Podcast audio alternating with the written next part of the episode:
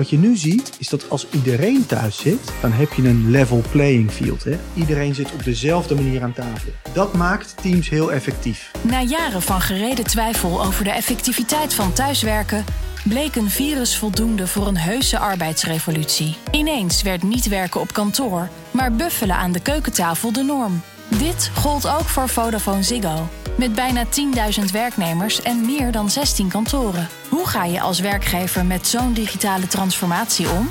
En hoe zorg je ervoor dat werknemers optimaal presteren en vanuit huis nog steeds een goede balans weten te vinden tussen werk en privé?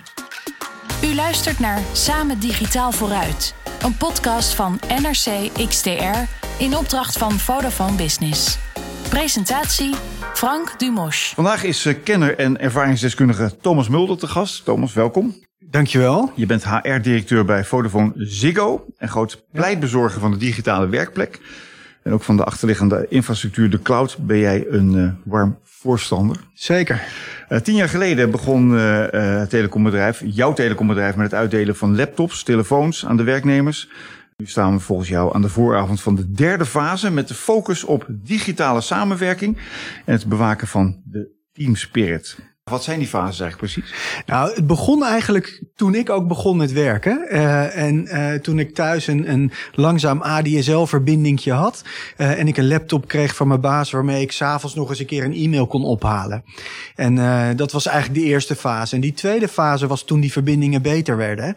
we hadden toen 3G en een snellere internetverbinding thuis. Waarmee je ook gewoon een dag thuis kon werken als je eens een keer wat uit moest zoeken of geconcentreerd uh, iets thuis moest doen.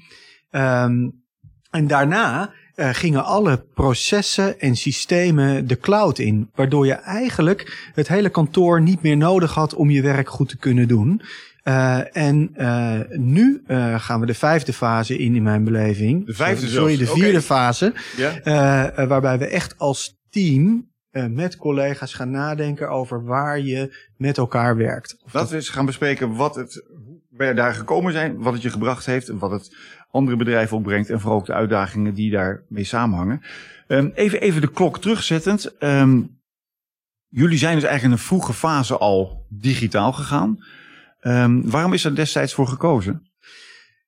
Voor ons uh, is de echte trigger geweest de verhuizing van een kantoor. Uh, waarbij we in het nieuwe kantoor geen uh, papier meer wilden hebben. Geen dossierkasten uh, op de vloer. En dat betekent dat je al je werkprocessen moet digitaliseren. en dat betekent tegelijkertijd ook dat het voor je medewerkers echt niet meer uitmaakt waar ze hun werk doen. En, en, wat voor oplossingen waren daar toen bij, daarvoor nodig om dat voor elkaar te krijgen? Nou, bijvoorbeeld Office 365. Uh, dat is een, een, een, een, technologie die al onze medewerkers gebruiken. Je moet ook denken aan beveiligingssoftware natuurlijk, om ervoor te zorgen dat de data niet op straat komt te liggen. Nou kwamen jullie, heb ik begrepen, in januari al bij elkaar. Jullie dachten, er is iets, er is iets, er is iets. Wat was het toen? Ah, in januari um, kwam ik terug van de kerstvakantie. En uh, toen was natuurlijk al het nieuws over het virus in uh, Wuhan. En een collega uit mijn team, een virologe, zei: Thomas, dit kon nog wel eens groot worden. Hier moeten we ons op voorbereiden. En toen zijn we eigenlijk begonnen met het updaten van het pandemieplan dat we hebben. Dat moesten we afstoffen, want er had natuurlijk was jarenlang niet naar gekeken. Uh, en toen we eind januari daar. Maar er was dus wel een pandemieplan. Er was een, een pandemieplan. Dat is wel vrij bijzonder voor een bedrijf. Nou, als je een groot bedrijf hebt dat zo'n kritische infrastructuur heeft uh, in, in een land, dan moet je wel rekening houden met allerlei uh, risico's. Waarvan ook de kans klein is dat het een keer gebeurt. Maar als het dan gebeurt, moet je erover nagedacht hebben. Dus zo ook een, een pandemieplan. maar wij hadden ons nog niet echt gerealiseerd wat de consequenties daarvan zouden zijn. Wat was de stand van weten of de stand van denken in januari? Dat was dus nogmaals ruim voordat het in Nederland echt, echt de dak raakte. Ja, in, in januari was de stand, de kans is klein dat het echt de hele samenleving hier onderuit gaat halen. Maar als het gebeurt, is de impact enorm. En wordt ook onze dienstverlening vanuit Vodafone en Ziggo cruciaal. Dus vanaf dat moment zijn we heel serieus gaan kijken uh, wat, uh, wat de impact zou kunnen zijn om ons daar zo goed dus mogelijk twee poten. Enerzijds de impact op je eigen organisatie. Anderzijds uh, hoor ik je zeggen, Vodafone Ziggo, onze diensten, onze producten, die worden cruciaal. Leg dat laatste eens uit. Nou, als iedereen vanuit huis gaat werken, uh, dan, uh, dan zijn onze klanten natuurlijk afhankelijk van onze dienstverlening. Maar nog belangrijker bijvoorbeeld de continuïteit van bereikbaarheid in ziekenhuizen. Als er zo'n pandemie is. Dus, dus daar hebben we goed over nagedacht. Dat is inzoomen op de eigen interne organisatie. Ehm, opeens moesten er 10.000 medewerkers thuis gaan werken in maart. Ja, inderdaad. En omdat wij al onze processen uh, en systemen in de cloud hebben, maakt het in principe niet uit waar de computer staat waarmee mensen werken. Dus dat maakte het uh, uh, mogelijk om heel snel ervoor te zorgen dat iedereen vanuit huis kon gaan werken. natuurlijk met uitzondering van onze medewerkers in de winkels en de monteurs. Um, dus dat, dat was eigenlijk heel snel gedaan. en de, de focus zat er toen op meer van hoe gaan we om met mensen die kinderen thuis hebben die niet meer naar school gaan, bijvoorbeeld. En hoe gaan we op deze manier met elkaar werken om ervoor te zorgen dat het wel voor iedereen uh, een, uh, een, gezonde werksituatie blijft. De grote lijn was dat, dat, dat Vodafone Ziggo al stappen gezet had. Dus dat de technische infrastructuur, die was er eigenlijk al. Ja. Ik hoor je zeggen met twee uitzonderingen, monteurs en de callcentra. En uh, de winkels. En de winkels. Dus de monteurs die moeten natuurlijk nog steeds storingen oplossen in het netwerk. En daarvoor met hun bus uh, het land in. Uh, en in de winkels, die zijn ook open gebleven. En daar hebben we andere maatregelen moeten treffen met spatschermen, deurbeleid, et cetera, om een veilige werkplek te creëren. Ja, maar qua techniek hoefde daar verder niet zo heel veel te gebeuren. Dat was eigenlijk de grootlijn al uh, te doen. Was het nou achteraf ook een groot voordeel dat jullie al zoveel stappen gezet hadden? Zeker, want als, jij niet, als wij niet al onze processen, systemen in de cloud hadden zitten en als we niet de beveiliging daarvan goed hadden ingeregeld, dan, uh, ja, dan, dan was dat, had het veel langer geduurd voordat we dat voor elkaar hadden. Thomas, ik wil jou een, uh, een stelling voorleggen. Ik leg hem je vast voor met twee keuzes. Je mag er even over nadenken en ik wil graag straks van jou het antwoord horen op uh, die stelling. De stelling is, digitaal werken en werken op afstand zorgt dat de rol van de manager definitief verandert. Dan ga ik je twee opties geven. Optie A is meer dienend en voorwaardenscheppend. Iemand die de omstandigheden zo goed mogelijk inricht en vooral als coach opereert. Of optie 2, uh, dankzij monitoring software kan de manager zijn of haar controlerende rol weer terugpakken. Zie je al gebeuren in je gezicht, maar ik ga je straks ga ik jou vragen waar, waar jij voor kiest. Um, we gaan het hebben over de digitale workspace. Dankzij COVID is dat allemaal in een uh, stroomversnelling terechtgekomen. Wat voor aanpassingen waren er nodig? Voor jullie helemaal niets? Of was het gewoon eigenlijk, moesten er toch nog wel belangrijke dingen gebeuren? Nee, dat is eigenlijk heel soepel uh, gegaan. En dat is natuurlijk ook dankzij de, uh, uh, onze mensen, die, die ook heel creatief thuis een goede werkplek konden creëren en klanten te woord konden staan. Um, en ja, wat we zien is dat het eigenlijk iedereen heel erg goed bevallen is. Uh, we zien dat de tevredenheid van onze mensen in deze crisis gestegen is. Maar bijvoorbeeld ook dat het ziekteverzuim aanzienlijk uh, gedaald is. Noem eens getallen. Het ziekteverzuim is met 20% gedaald. Dat is heel veel. Zeker, ja. Heb je daar een verklaring voor? Nou, een aantal dingen. Um, uh, dat wisten we ook al, uh, omdat we eerder op grote schaal met uh, thuiswerken natuurlijk werkten. Uh, wat, je, wat je ziet is dat mensen zich niet lekker voelen. Geen zin hebben om in de bus door de regen naar hun werkplek te gaan. Hè, daar zich niet goed genoeg voelen. Maar als jij thuis uh, aan de keukentafel je werk kan doen, dat dat eigenlijk nog best wel uh, gaat. Hè. Dat, dat is een, een van, van de, van de grote belangrijke redenen waarom we zien dat mensen op de dagen dat ze thuis werken minder ziek zijn dan, dan op kantoor.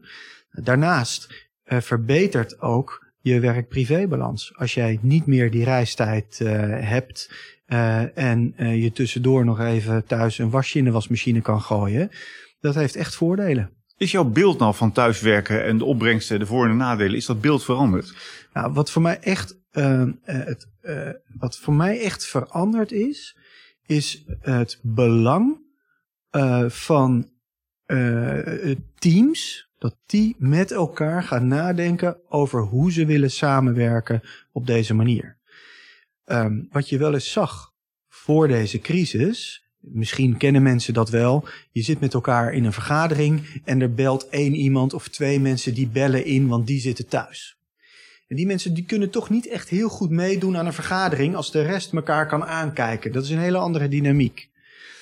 Nou, wat je, wat je nu ziet, is dat als iedereen thuis zit, dan heb je een level playing field. Hè? Iedereen zit op dezelfde manier aan tafel. Dat maakt teams heel effectief. Daar ben ik echt van overtuigd geraakt door deze crisis. Dat je moet met je team of fysiek bij elkaar zitten om complexe dingen te doen, uh, creatieve dingen te doen, uh, bijvoorbeeld. Of dingen waar emotie bij komt kijken. Maar de dingen die veel meer gaan over plannen, transactioneel zijn, elkaar informeren, kunnen bijzonder goed virtueel. Maar dan werkt het het beste als iedereen virtueel werkt. Maar er gebeurt dus in een team gebeurt ook iets, ook in positieve zin. Zeker, ja. Uh, wat je ziet is dat dat soort meetings virtueel veel efficiënter zijn veel sneller gaan. Mensen komen veel sneller to the point. Maar ook mensen die wat introverter zijn en misschien wat minder nadrukkelijk uh, aanwezig zijn bij meetings aan een tafel, dat die virtueel veel beter tot uiting komen. Ik vroeg je dat ook of jouw beeld veranderd is, omdat het klassieke beeld van thuiswerken was, moet ik zeggen. Vooral, uh, uh, het betekent dat mensen misschien wel minder gemotiveerd zijn, misschien vaker afgeleid zijn, uh, het minder prettig gaan vinden, minder binding met het bedrijf ervaren. Uh, klopt toch iets van dat beeld? Nou, iets van dat beeld klopt wel. Hè? Dus ik, ik geloof niet dat mensen thuis meer afgeleid worden. Mensen kunnen zich thuis vaak juist beter concentreren. Uh, omdat ze niet constant door collega's op de schouder ge, geklopt worden. maar het aanwezig zijn op kantoor en direct contact hebben met je, met je collega's is wel heel erg belangrijk voor de binding met het bedrijf. En de cultuur waar het bedrijf voor staat. Dus daarom uh, geloof ik dat na deze crisis we een balans gaan vinden tussen twee of drie uh, thuiswerkdagen per week en twee of drie dagen per week dat je toch met je team naar kantoor komt. En dus ja, de uitdaging zal erbij uh, erin zitten dat teams met elkaar moeten gaan bepalen wanneer ze thuiswerken en wanneer ze op kantoor zitten. En dat is echt een breuk met het verleden. Hè, waarbij medewerkers voor zichzelf bepaalden wanneer zij uh, uh, thuis wilden werken en wanneer zij naar kantoor wilden komen. Wat heeft jou het, me het meest verbaasd nou eigenlijk van deze periode? Hoe ongelooflijk uh, uh, dynamisch het Nederlandse bedrijfsleven eigenlijk is. En dankzij de infrastructuur die we hebben, dus de, de connectiviteit die gewoon bij iedereen uitstekend is, dat een bedrijf enorm snel kan veranderen als het maar moet. Um, het is een kleine revolutie, of het is misschien een grote revolutie? Ik denk dat het uh, uh, op dit moment een, een revolutie is die groot kan worden als we hier na de uh, COVID-crisis echt goed op doorpakken. Dus als we voorkomen dat we met elkaar weer terugvallen in het oude gedrag. Ja, want er zitten ook wel een paar scherpe randen aan, daar gaan we het zo meteen over hebben. Als je naar het hier en nu kijkt, vind je dat bedrijven voldoende gebruik maken van de, de mogelijkheden die er nu zijn? Nou, ik denk dat um, uh, bedrijven vaak kijken, wat moet ik doen om een business door te laten draaien? Dus kijken naar de noodzaak en niet noodzakelijkerwijs naar wat kan ik ermee bereiken. Uh, en ik denk dat we als Nederlandse samenleving dat dit ons heel erg veel kan opleveren. Um, uh, als, als we de helft van het uh, woon-werkverkeer overhouden uh, na deze crisis, kun je nagaan wat dat doet met congestie in, in het openbaar vervoer. Met impact op het milieu bijvoorbeeld. Dat is, dat is enorm. Maar ook participatie in de, in de arbeidsmarkt van uh, mensen die uh, bijvoorbeeld het, het, opvoeden van kinderen moeten combineren met, met werk, is een stuk makkelijker als je niet die reistijd hebt. Ja, ook met mensen met beperkingen. Ik kan me voorstellen dat thuiswerken vaak een oplossing is. Absoluut. Ja. Dus er verandert er zitten ongelooflijk veel voordelen aan. Ja. De, de, productiviteit gaat omhoog, de tevredenheid gaat omhoog, ziekteverzuim uh, gaat omlaag ja. en, en, behoorlijk zelfs. Uh, met grote cijfers, 20 procent. Werknemers zitten lekkerder in een vel.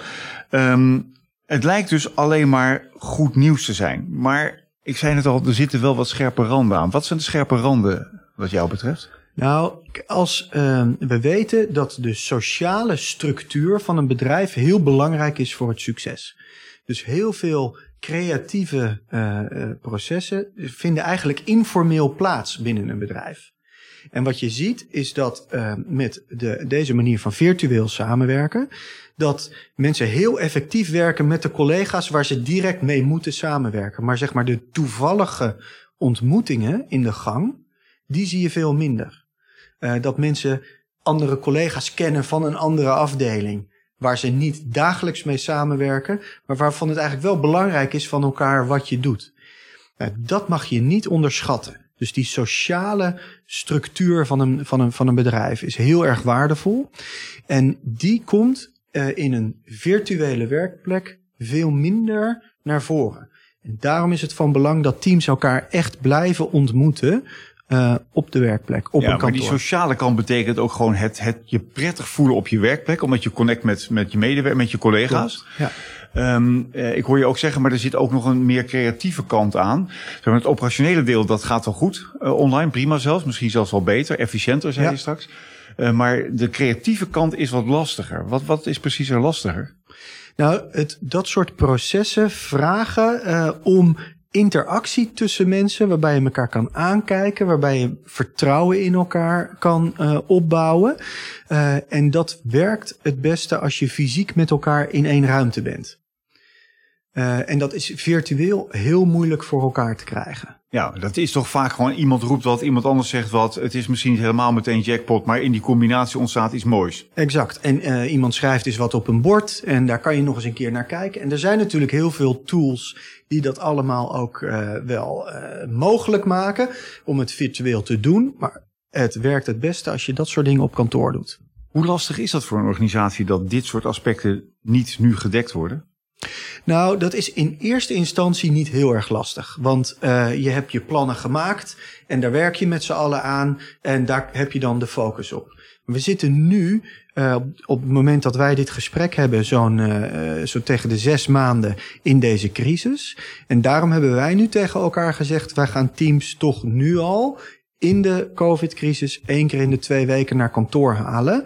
Juist om dit soort gesprekken weer plaats te laten vinden. En wat bedoel je precies met dit soort gesprekken? Over wat gaan we hierna doen? Wat is de volgende uitdaging? Wat gebeurt er in de markt? Wat voor innovatie is er? Wat, wat zijn de plannen voor volgend jaar? Wat moeten we gaan doen met elkaar? Dat, dat, zijn, dat zijn meer die creatieve, maar ook complexe uh, ges, gesprekken waarbij heel veel facetten een rol spelen. Nou, die willen wij uh, met de collega's weer op kantoor gaan doen. Uh, uh, ja, totdat deze COVID-crisis voorbij is. We zitten dus nu in de vierde fase, of eigenlijk de vijfde fase, de waar, waar je het straks ja. over had. Ja, ja. En de grote uitdaging daarvan zit precies eigenlijk, het is vaak een soort, soort steile curve van het laatste stukje is het meest ingewikkelde van wat je moet regelen en wat je moet doen. Nou, het, um, uh, eigenlijk zou het altijd al ingewikkeld moeten zijn. Alleen op een kantooromgeving, een traditionele kantooromgeving, kunnen heel veel managers uh, uh, zeg maar de, de sfeer en de cultuur aannemen als iets dat er gewoon is. Omdat je mensen bij elkaar uh, brengt. Hè? En, en nu moet je ervan uitgaan dat als je het niet goed leidt, dat het er niet is. Dus je moet erover nadenken als, als, als leider. Uh, hoe je uh, die verbinding in je team wilt uh, versterken. Je bent nu bijna, al, bijna uit jezelf al begonnen met uit te leggen waarom jij voor de stelling, de, het antwoord koos op de stelling dat, dat een, een, manager meer dienend moet zijn. Dienend en voorwaarden scheppend. Dat is dus, nou ja, randvoorwaardelijk. Het is gewoon een keiharde voorwaarde. Dat is een keiharde voorwaarde, dat kan niet anders. Maar er zitten natuurlijk wel twee dingen nog aan vast. En dat is dat je mensen wel to accountable moet houden voor het resultaat dat ze opleveren. Uh, uh, dus het, uh, en dat je heel duidelijk moet zijn in wat je van mensen verwacht. Dus waar je een, een, een traditionele manager voor COVID misschien niet heel duidelijk richting hoefde te geven, maar dan op dagbasis bij kon sturen. Zeg maar, die is voorbij. Dus je moet nu heel duidelijk richting geven. Heel duidelijk aangeven wat je van mensen verwacht. Dan mensen vrijlaten, de ruimte geven en coachen waar daar behoefte aan is. En dan aan het eind mensen heel goed aanspreken op de resultaten die ze hebben uh, opgeleverd. Dat is belangrijk. En daar gaat die cloud wel bij helpen. Want dat uh, leidt ertoe dat je veel meer data virtueel in de, of in de cloud hebt, die je kunt analyseren, waardoor je verbanden kunt leggen. Dus die data helpt wel, maar niet om mensen te controleren uh, hoe ze hun, hun werk doen. Management by walking by, daar gaan we dus echt definitief afscheid van nemen. Ja, dat, uh, uh, dat denk ik wel. En wat daarvoor in de plaats komt, is hopelijk de telefoon. Gewoon eens met mensen een goed telefoongesprek hebben, een wandeling of een, een gesprek op kantoor. Waar we nu zitten, is dat het nieuwe normaal? Of gaan we nog een keertje ooit terug naar datgene wat ooit normaal was? Ik denk dat het bijzonder moeilijk wordt om terug te gaan naar de tijd voor corona. Daarvoor duurt deze crisis te lang. En uh, zie je dat bepaalde gebruiken nu al aan het insluiten zijn en dat mensen zich er zo nu aan wennen, dat, uh, uh, dat, we, dat we niet zomaar terug zullen gaan. Dus ook exit grote kantoortuinen? Nee, kijk, de kantoortuin is de perfecte plek om die ontmoetingen uh, uh, te faciliteren op de dagen dat mensen naar kantoor komen. Um, uh, maar je gaat niet meer in die kantoortuin zitten als je geconcentreerd iets moet uitwerken. Of als je bijvoorbeeld met je team planningen moet maken of informatie moet delen. Als we elkaar over vijf jaar spreken, hoe ziet het er dan uit? Jouw werkwereld? De werkwereld ziet er dan zo uit dat mensen met hun team of teams één tot twee dagen per week op kantoor komen om daar samen te werken en de rest van de tijd virtueel werken. Mijn gast was Thomas Mulder, HR-directeur bij Vodafone Ziggo. Hartelijk dank. Dankjewel. Bent u net als Thomas op zoek naar de balans op afstand te werken en dicht bij elkaar te blijven? En wilt u ook samen digitaal vooruit? Kijk dan op specials.nrc.nl/slash Vodafone. Dit was Samen Digitaal Vooruit. Een vierdelige branded content productie van NRC XTR in opdracht van Vodafone Business.